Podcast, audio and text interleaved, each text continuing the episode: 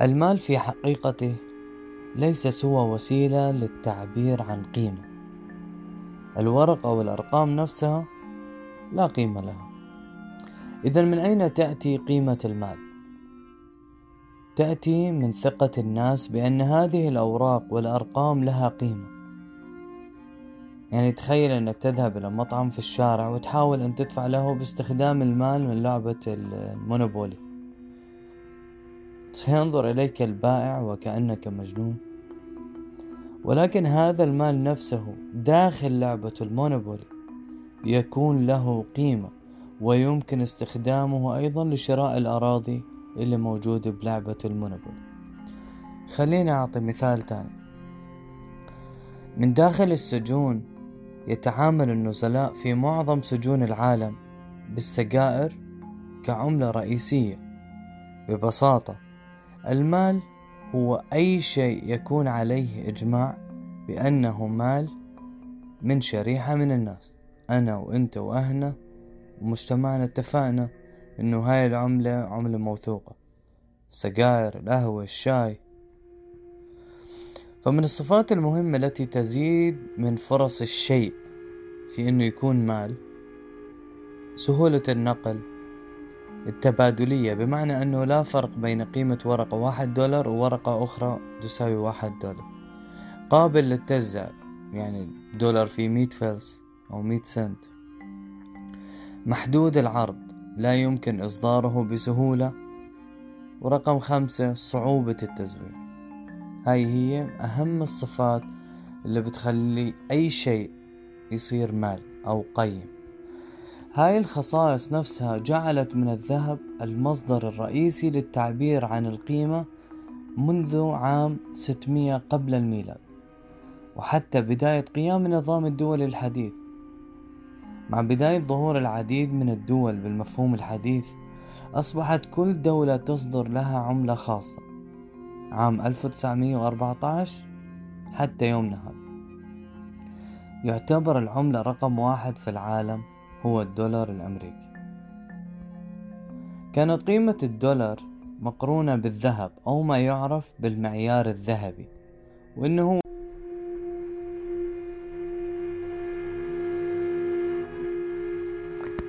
توقف العمل بالمعيار الذهبي في عام 1974 وأصبح البنك الفيدرالي الأمريكي يملك الحرية المطلقة لطباعة الدولارات دون أي قيود.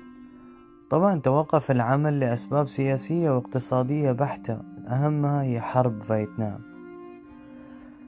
ما يجاله الكثير من الناس هو أن الأرقام الموجودة في حسابها البنكي ليست مال حقيقي إنما هي وعد من البنك بأن هذا المقدار من المال موجود في حسابك ولكن البنك لا يملك مال حقيقي ليغطي جميع الحسابات الموجودة فعليا. ولو ذهب جميع الناس لسحب المال من البنك في نفس الفترة سوف تنتج أزمة مالية. يمكن شفنا مثال الأخير لبنان. وبالسنوات السابقة كان الأرجنتين واليونان قبلهم لذلك وحتى عام 2009 المال الحقيقي الموجود في العالم هو العملات النقدية والذهب. ثم ظهرت أول عملة مشفرة في العالم بالبيتكوين اللي هي البيتكوين. زي ما شرحنا بالبودكاست الأول وكانت عبارة عن رسالة من شخص اسمه ساتوشي ناكاموتو أو الاسم المستعار هو ساتوشي ناكاموتو. السؤال الأساسي هون ما هو البيتكوين؟ البيتكوين بكل بساطة هو بروتوكول للتعبير عن القيمة عبر الإنترنت. جميعنا نستخدم البروتوكولات عبر الإنترنت بشكل يومي مثل الإيميل أو نشغل أغنية أو أو. ينقسم البيتكوين إلى قسمين. في عنا شبكة البيتكوين اللي هي بيتكوين بلوك تشين وفي عملة البيتكوين. البيتكوين بلوك تشين هي الوسيلة التي يتم عن طريقها نقل عملة البيتكوين من شخص لآخر في جميع أنحاء العالم وتكون جميع العمليات مسجلة في الشبكة طيب ما هي ميزة البيتكوين؟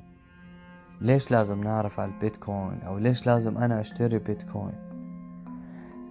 ميزة البيتكوين هي الندرة. الندرة هي أساس القيمة لأي شيء.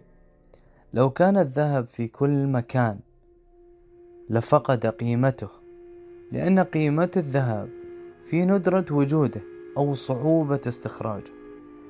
قبل البيتكوين كان من المستحيل أن تكون هناك ندرة رقمية.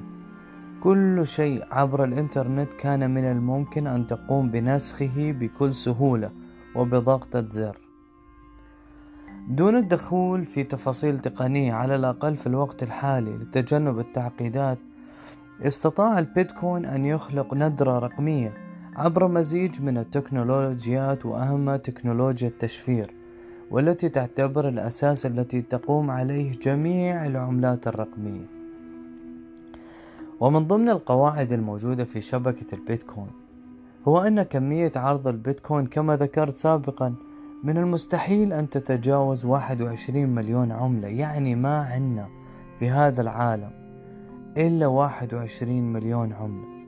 ولا يمكن مع مرور الزمن إنه نستخرج عملة زيادة من بيتكوين.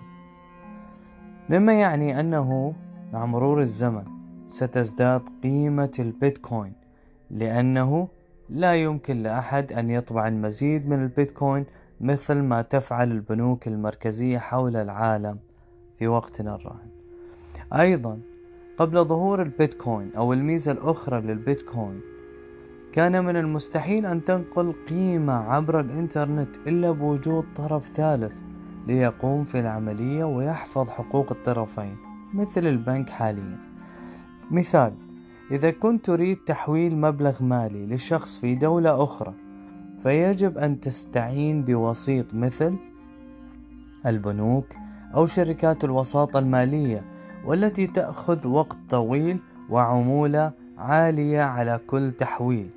أما شبكة البيتكوين تتيح للأفراد التحويل المباشر بسرعة دون الحاجة للاستعانة بوسيط طالما أن الفردين متصلين أو متصلين بالإنترنت هذا الشيء يتم عن طريق خوارزمية تعرف بال Proof of Work.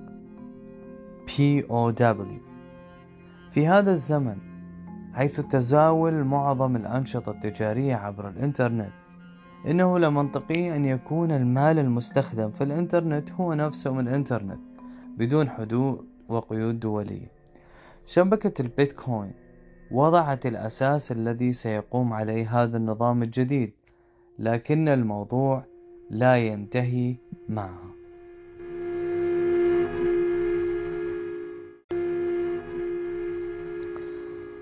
بعد اللي شرحته بالبودكاست في الجزء الأول والجزء الثاني وعن اللامركزية وعن الحرية المالية اللي الشعوب بتطمح لإلها راح تلاقي في فريق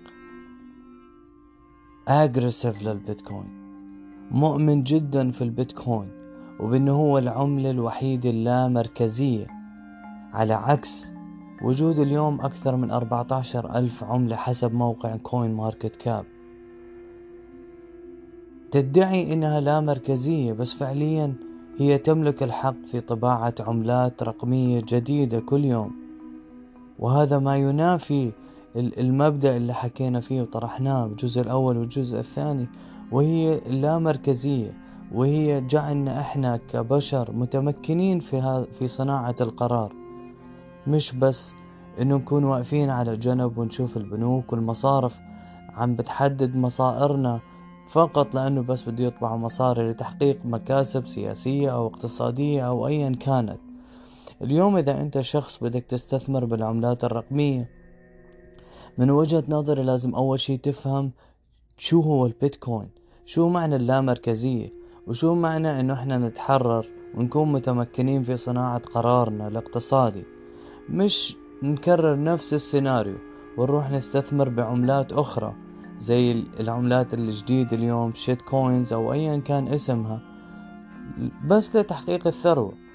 معناه أنت شخص ما فهمت شو الجدوى من البيتكوين أو شو الجدوى من اللامركزية وإنه أنت لو صار معك سلطة راح تعمل نفس الأسلوب اللي عم بمارسوه علينا الساسة والمتنفذين اليوم. أنا ما بحاول أعمل دعاية للبيتكوين بل بالعكس أنا مو مستثمر بالبيتكوين. بس فهمنا أو قدرتنا على فهم أساس هذا السوق راح يأهلنا فعليا كيف نستثمر. وما راح يخلينا فريسة سهلة للدعايات المنتشرة هاي الأيام والتوصيات لكل العملات الرقمية. وكأنه كل الأربعة عشر ألف عملة اليوم راح تحقق لك المكاسب وراح تخليك شخص حر وشخص بعيد أنت عن مركزية الدولة.